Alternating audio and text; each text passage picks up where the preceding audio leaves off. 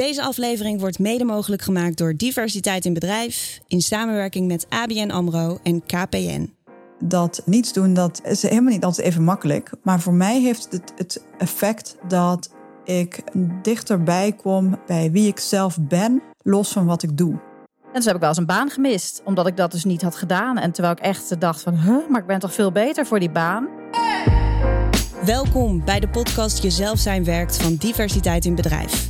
De podcast waarin we wetenschappelijke inzichten over authenticiteit op de werkvloer verbinden aan persoonlijke verhalen. Ik interview inspirerende rolmodellen uit grote bedrijven en publieke organisaties. Mijn naam is Naomi Kok-Louise, communicatieadviseur bij Diversiteit in Bedrijf en presentatrice en nu ook jullie podcasthost. In deze aflevering ga ik met twee topvrouwen in gesprek over hun carrièrepad. Er is veel inhoudelijke informatie over deze vrouwen te vinden, maar in deze podcast wil ik eigenlijk op zoek gaan naar de persoon achter de functie.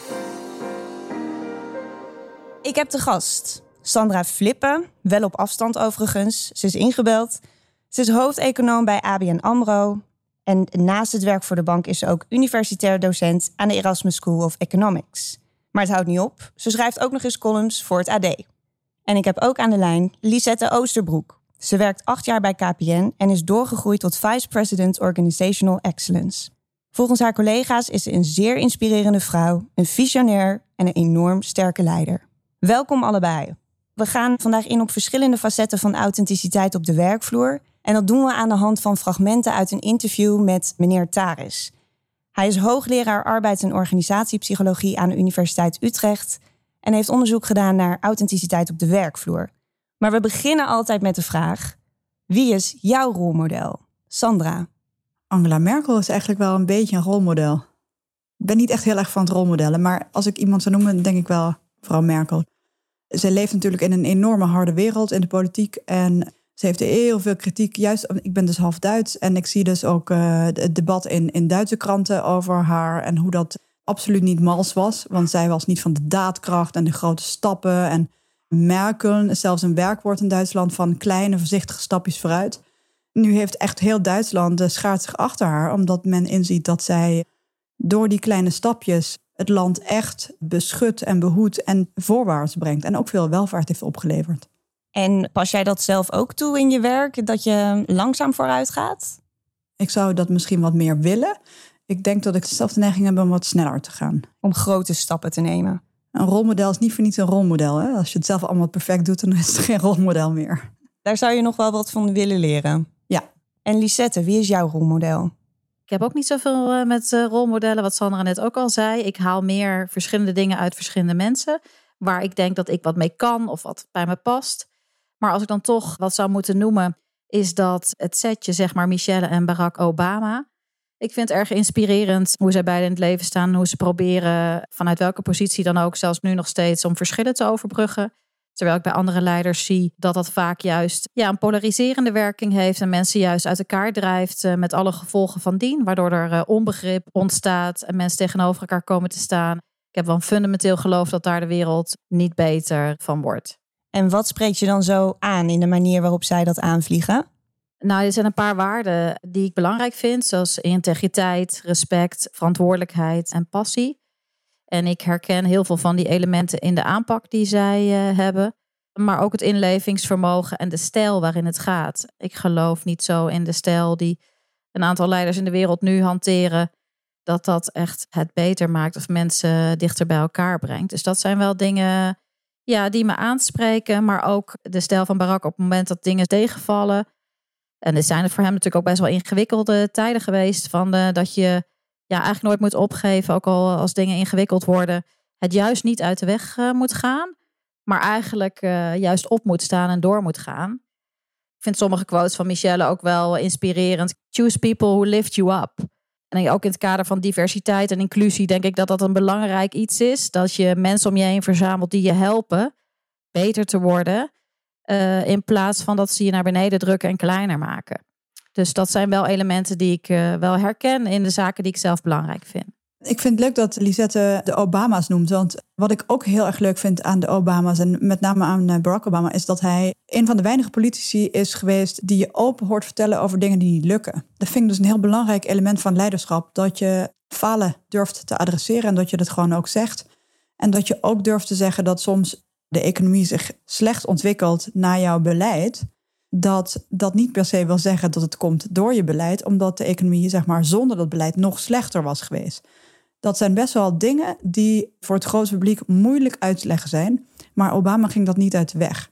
Dus niet in one-liners leiden, maar gewoon ook durven, zeg maar, ja, soms de complexiteit van het effect van A op B, zeg maar, durven uitleggen. Ja, en ook die kwetsbaarheid tonen. Ja. Ja, dat herken ik volkomen. En ik herken ook gewoon het belang van kwetsbaarheid. En ik denk dat je dan ook menselijker overkomt, ook als leider. En daardoor mensen ook dichterbij komen te staan. Waardoor zij zichzelf ook wel eerder met je identificeren dan uh, op het moment dat je net doet alsof alles prima gaat en je nooit een gevoel hebt gefaald te hebben of het ingewikkeld vindt. Ik ben het helemaal met Sandra eens, dus daar herken ik ook heel erg. Zou je dat zelf kunnen illustreren met een voorbeeld waarin je dat zelf hebt gedaan?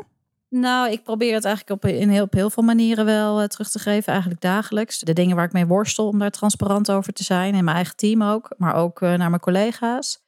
Gewoon openlijk ook feedback te vragen. Bijvoorbeeld, ik ben best pittig. En dat komt eigenlijk door mijn drive en mijn enthousiasme en mijn energie. En dan kan het best wel eens overweldigend zijn uh, voor mijn collega's of voor mijn team. En dat benoem ik ook gewoon. Dat ik zei van ja, ik kan gewoon soms echt doordraven, jongens. En als ik dat doe, dan moet je me er echt bij trekken. Daar open over zijn. En ook als dingen niet gelukt zijn. Ik denk dat het daarmee begint. Nogmaals, dat probeer ik eigenlijk uh, wel op heel veel uh, verschillende manieren dagelijks te doen. In eigenlijk elke meeting, in elke sessie. En uh, daar gewoon ja, ook wel uitgesproken over te zijn. Ook al is het niet altijd even makkelijk. Dan gaan we nu door naar het eerste fragment. Je hebt bepaalde ideeën, je hebt bepaalde normen, waarden, bepaalde gedragen die bij jou passen. Als je die kunt laten zien op je werk of in een andere context, dan ben je authentiek bezig. Sandra, waarom doe je wat je doet? Ik vind het ontzettend leuk. Wat ik doe is uh, nadenken over de economie en leiding geven uh, aan deze groep. En dat vind ik echt allebei ontzettend leuk. Wat ik al langer wist dat ik heel erg leuk vond, is uh, economie. Want dat doe ik eigenlijk mijn hele werkzame leven al. En ik ontdek nog steeds dagelijks eigenlijk gewoon nieuwe dingen die ik nog niet wist ik zit toch ook een soort van constant op school. Ik vind het heerlijk. Ja. En wanneer ontdekte je dat je een passie had voor economie? Tijdens mijn opleiding ontdekte ik dat, maar eigenlijk ook tijdens mijn promotie. Ik heb Japanse economie en eh, sociologie gestudeerd. En daarna ben ik gaan promoveren bij een economisch instituut, Timberg Instituut. En daar vond ik eigenlijk mijn eigen onderzoek al heel erg leuk. Maar je zit toch een beetje met oogkleppen op te werken op een heel specifiek vraagstuk. En om heel eerlijk te zijn, was ik, ik leefde behoorlijk onder een steen, kun je wel zeggen, wat betreft de wereld, zeg maar. Kun je dat toelichten? Ja, nou, ik, ik was heel erg gefocust op mijn onderzoek. En als je gaat promoveren, dan is dat extreem specialistisch. En alle economische vragen rondom gezondheidseconomie, milieueconomie, uh, macro-economie, micro-economie. Het zijn hele mooie vraagstukken eigenlijk. Pensioeneconomie. Daar wist ik eigenlijk heel weinig van. Maar toen ben ik uh, hoofdredacteur geworden van het economenvakblad ESB. En dat probeert eigenlijk steeds de driehoek wetenschap, beleid, politiek, zeg maar, zich daartussen te bewegen van uh, welke beleidsbeslissingen moeten er genomen worden en wat heeft de wetenschap aan inzichten te bieden. En mijn rol als hoofdredacteur daar was eigenlijk constant proberen die werelden bij elkaar te brengen. En dat maakte dat ik voor het eerst, zeg maar, ja, gingen mijn ogen open voor die waanzinnig gave wereld van uh, al die economische terreinen toen ben ik eigenlijk begonnen met heel veel working papers, academische papers te lezen en ook heel veel beleidsdocumenten. En toen ben ik ook de krant veel enthousiast, het FD bijvoorbeeld, ben ik veel enthousiaster gaan lezen. En, uh, en de Financial Times en The Economist werd ik helemaal fan van. Toen ging het echt los, zeg maar. En wat trekt je dan zo aan in het vak? Nou, wat mij aantrekt is een aantal hele fundamentele dingen. Bijvoorbeeld de afruil tussen dingen. Dus dat je een euro bijvoorbeeld maar één keer kunt uitgeven. Ja, het klinkt heel bazaal. En dat is het ook, maar je ziet het constant in beleidsdiscussies terugkomen eigenlijk het voorbeeld wat ik net gaf. Het feit dat het effect van een bepaalde keuze die er in de politiek bijvoorbeeld gemaakt wordt, laten we zeggen de werkloosheid, dat die als je gewoon de lijn doortrekt, lijkt die neutraal of misschien zelfs wel negatief. Maar als je je realiseert dat het zonder dat beleid veel slechter was geweest, dan is het gewoon positief. Dat noem je zeg maar het denken in de counterfactual. En dat kun je op zoveel dingen toepassen, waardoor je gewoon eigenlijk veel beter inzicht krijgt in hoe de dingen werken. Dan ga ik naar Lisette. Waarom doe jij wat je doet? Nou, ik heb een eh, passie echt voor verandering. Zoals eh, de passie van Sandra, zeg maar, meer zit in de, aan de economische kant, heb ik echt een passie voor verandering. Met name organisatieverandering. Dus op de as van mens, organisatie, verandering en gedrag. Daar ook heel veel in gedaan de afgelopen jaren. En eigenlijk sinds vorig jaar eh, binnen de HR-organisatie. Waarin ik de mogelijkheid heb gekregen om eigenlijk vernieuwing aan te brengen. Om echt een organisatie van de toekomst te kunnen bouwen. En eigenlijk daar de ruimte ook heb om ehm, ja, de status quo te challengen. Nou, en dat is iets waar ik heel erg blij uh, van word. In mijn portefeuille zitten eigenlijk alle knoppen om daar ook aan te kunnen draaien. Dus ik heb ontzettend veel mogelijkheden om ook KPN, als het gaat om mensen en organisatie en werkgever zijn en het maximale uit mensen halen en uit de organisatie halen, om dat mogelijk te maken. Cultuur te beïnvloeden. Ja, die passie van verandering, dat zit in mijn DNA, want dat doe ik thuis ook. En uh, komt wel eens voor dat mijn man naar beneden komt op zondagochtend is de hele woonkamer verbouwd. En dat is, heb, dan krijg ik gewoon weer de kriebels. En dat is eigenlijk een onderdeel van mijn baan uh, die ik heel belangrijk vind. In, in elke baan die ik altijd gehad heb. En ik vind het mooi dat ik uh, nou ook de kans heb om echt systemisch naar organisatie te kijken. Ik geloof er ook dat, net zoals je economische systemen hebt die aan elkaar gekoppeld zijn, die in verbinding staan, dat geldt natuurlijk ook voor mensen en organisaties. Dus echt de kunst om te kijken naar waar wil je heen? Welk systeem zit er in een organisatie en welke interventies moet je doen om dingen in beweging te krijgen of te veranderen of te vernieuwen? Ja, dat vind ik super interessant. En ik vond ook wel interessant wat Sandra net zei, en daar herken ik mezelf wel in van, ja, wat is nou het effect van een keuze? Dus ook daarin anders kijken en anders denken. Nou, dat doe ik eigenlijk ook op die manier, maar dan veel meer aan de organisatiekant. Ja, daar zit het eigenlijk in. Je zei net uh, die status quo te challengen. Jij bent wel echt iemand die anderen probeert te stimuleren om anders te kijken en een ander geluid laat horen, of niet? Onwetendheid vind ik gevaarlijk. Hè? In de zin van, ik denk dat er heel veel ellende in de wereld van komt. Dus kennis vind ik belangrijk, maar ook de manier waarop je kijkt naar zaken vind ik belangrijk. En dat is wat ik zei van there is only one way to look at things until someone else shows you how to look at them differently. En ik denk dat het anders leren kijken uh, en mensen uitdagen om anders te kijken, dat denk ik dat het heel belangrijk is, omdat je dan ook andere dingen gaat zien. En als je die eenmaal ziet, dan kan je ze ook niet meer niet meer zien, zeg maar. En daardoor krijg je beweging. En ik geloof dus dat beweging nodig is om een bepaald resultaat te realiseren en dat de beweging aan zich al goed is. En ik geloof er ook echt in dat als je eenmaal anders kijkt, ja, en ik ben echt van de quote, sorry hoor, maar dat is a mind that is stretch will never go back to its old dimensions. Dat als je eenmaal gewend bent om op een bepaalde manier te kijken, gaat je mind ook niet meer terug. Ik denk dat je daar heel veel aan kan hebben in organisaties, maar ook in je eigen persoonlijke ontwikkeling, in teams. Die elementen, die vind ik daarin erg belangrijk. En ik denk dat ja, sowieso de wereld er al een stukje beter uit zou zien als we ja, daarin wat meer in elkaar zouden verdiepen, elkaar beter zouden willen begrijpen en wat verdraagzamer zouden kunnen zijn. En dat zit dus ook al in wat wil je zien. Lisette, als je dan zegt van er zit zoveel waarde in het naar iets anders kunnen kijken, doordat je eigenlijk zeg je, je, je moet je kunnen laten overtuigen.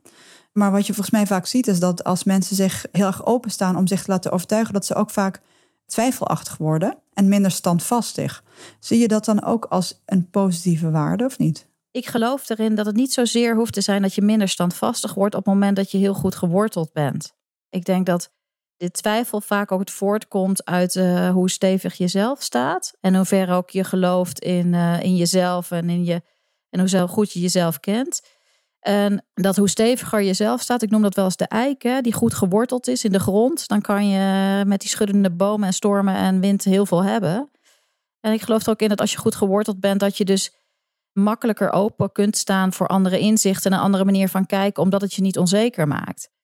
Ik geloof ook wel dat als je dat niet hebt, dat je dus daar wel minder standvastig van kunt zijn.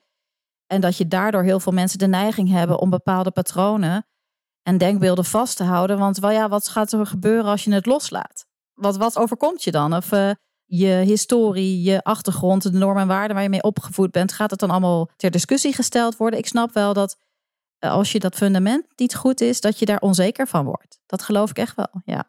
Hoe zorg je er zelf voor dat je goed geworteld blijft, Lisette? Nou, ouder worden helpt. In heel veel dingen helpt ouder worden niet, maar in dit geval helpt ouder worden wel omdat ik denk dat je, niet dat ik al super oud ben hoor, ik ben natuurlijk hartstikke jong nog. Maar ik denk dat het helpt als je ouder wordt, omdat je meer jezelf leert accepteren. Waarin dat als je jonger bent ingewikkelder is. Ik geloof ook wel in constant blijven ontwikkelen daarin. En heel reflectief zijn naar jezelf. En ook mensen om je heen verzamelen die, die niet de, de ja-knikkers, zeg maar, maar mensen die gewoon constructief eh, naar je zijn en met je meedenken en je teruggeven uh, wat je doet en hoe je het doet. En dat helpt. En ik denk dat ook wat ook wel helpt, is iets bereiken. Als je merkt dat je iets toevoegt, iets zinvols doet en dat ook terugkrijgt, dat je dan het gevoel krijgt dat je ertoe doet en dat dat ook iets doet met de mate waarin je jezelf daarin kan accepteren. Daarom geloof ik er ook in dat uh, in organisaties het heel belangrijk zijn dat mensen het gevoel hebben dat ze waarde toevoegen. En dat in een maatschappij mensen het gevoel moeten hebben dat ze van waarde zijn. En uh, dat je daarin jezelf kan zijn en daarin geaccepteerd wordt en daarin dus ook succesvol kan zijn. Want ik denk dat dat elementen zijn die heel belangrijk zijn om je te wortelen. Sandra, hoe kijk jij daarna? Nou, ik vind het heel interessant wat je zegt, maar weet je waar ik aan twijfel zelf? Ik vind die metafoor namelijk heel mooi van die boom, van die stevige stam hebben.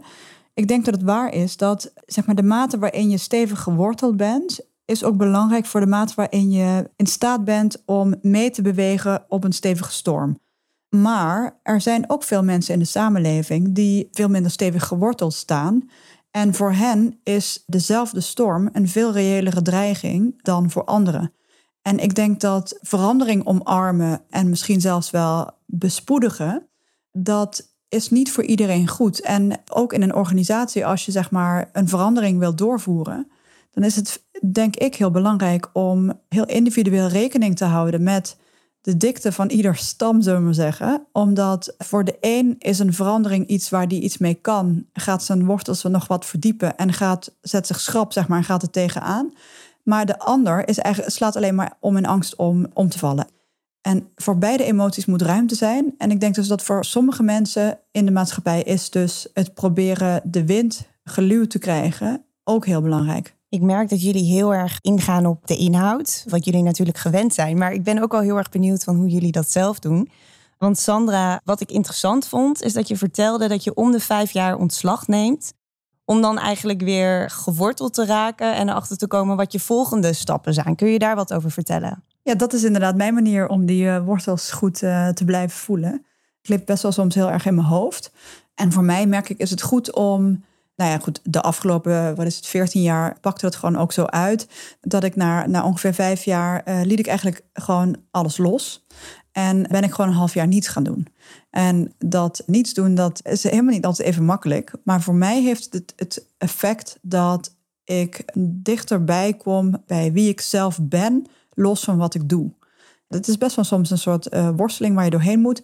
Maar aan het einde van die worsteling merk ik dat ik makkelijker mijn intuïtie kan volgen bij het maken van keuzes wat mijn volgende stap is. En dat heeft me tot nu toe eigenlijk nog nooit windeier opgeleverd. Dan gaan we nu door naar het laatste fragment. Wat het resultaat daarvan gaat zijn, dat zijn de mensen die, die afwijken van die norm. Die zullen zich niet prettig gaan voelen.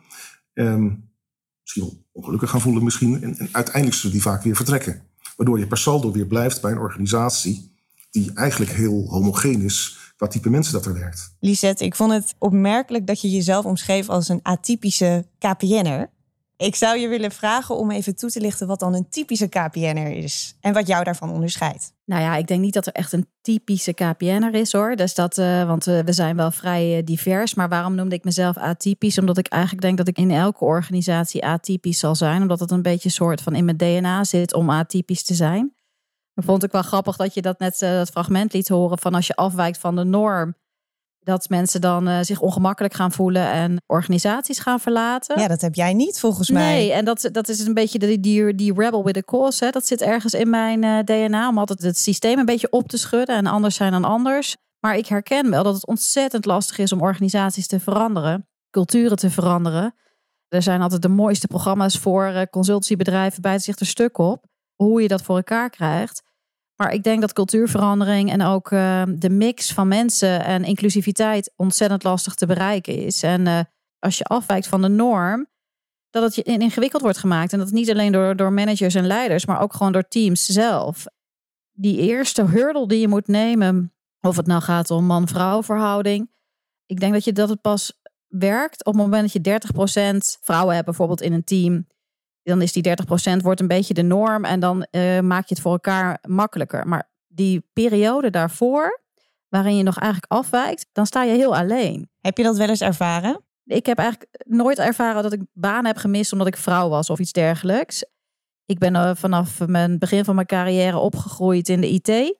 ja, dat is een weg wel mannenbolwerk. Dus ik, ik ben wel gewend om me daar een beetje in staande in te houden. En ik merk ook wel dat ik, ja, ik ben wel direct en uh, uitgesproken. En dat je daardoor wel makkelijker uh, je staande weet te houden. Maar het is ook wel eens ingewikkeld geweest. En nou ja, ik heb wel banen gehad waar de norm wel een beetje was dat je heel goed netwerk moest hebben. En dat netwerk bepaalde eigenlijk welke banen je kreeg. En ik ben niet zo'n netwerker, eerlijk gezegd. Ik ben meer van de inhoud en uiteindelijk moet dat belangrijker zijn. En dus heb ik wel eens een baan gemist, omdat ik dat dus niet had gedaan. En terwijl ik echt dacht van, maar ik ben toch veel beter voor die baan. En mijn toenmalige directeur zei dat ook. Ja, je bent gewoon beter, maar zij heeft een beter netwerk. En toen dacht ik echt, dat kan niet waar zijn dat het zo werkt.